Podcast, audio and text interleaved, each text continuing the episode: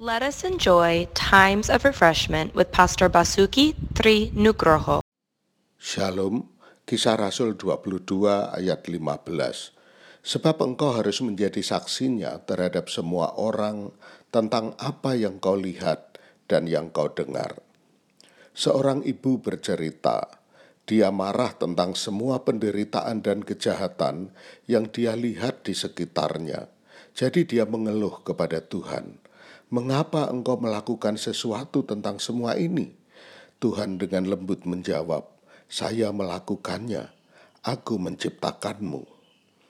Tuhan dapat mengizinkan banjir lagi, seperti yang Dia lakukan pada zaman Nuh, untuk membersihkan kejahatan dunia. Dia bisa, tapi tidak. Dia telah berjanji untuk tidak melakukan itu lagi. Sebaliknya, dia memilih untuk bekerja melalui manusia seperti kita, mengubahnya, kemudian memungkinkan mereka berfungsi sebagai agen perubahannya.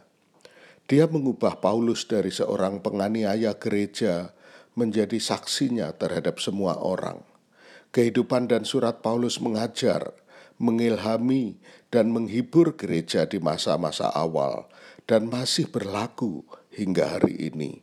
Kuasa Tuhanlah yang mengubah Paulus, lalu menggunakan dia untuk mengubah dunia di sekitarnya.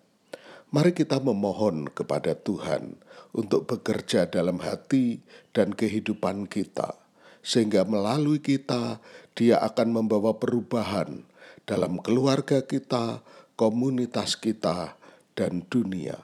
Tuhan memberkati. Untuk info pelayanan lebih lanjut, hubungi GBI Grace Community Center Makassar di nomor 081 343 625 334.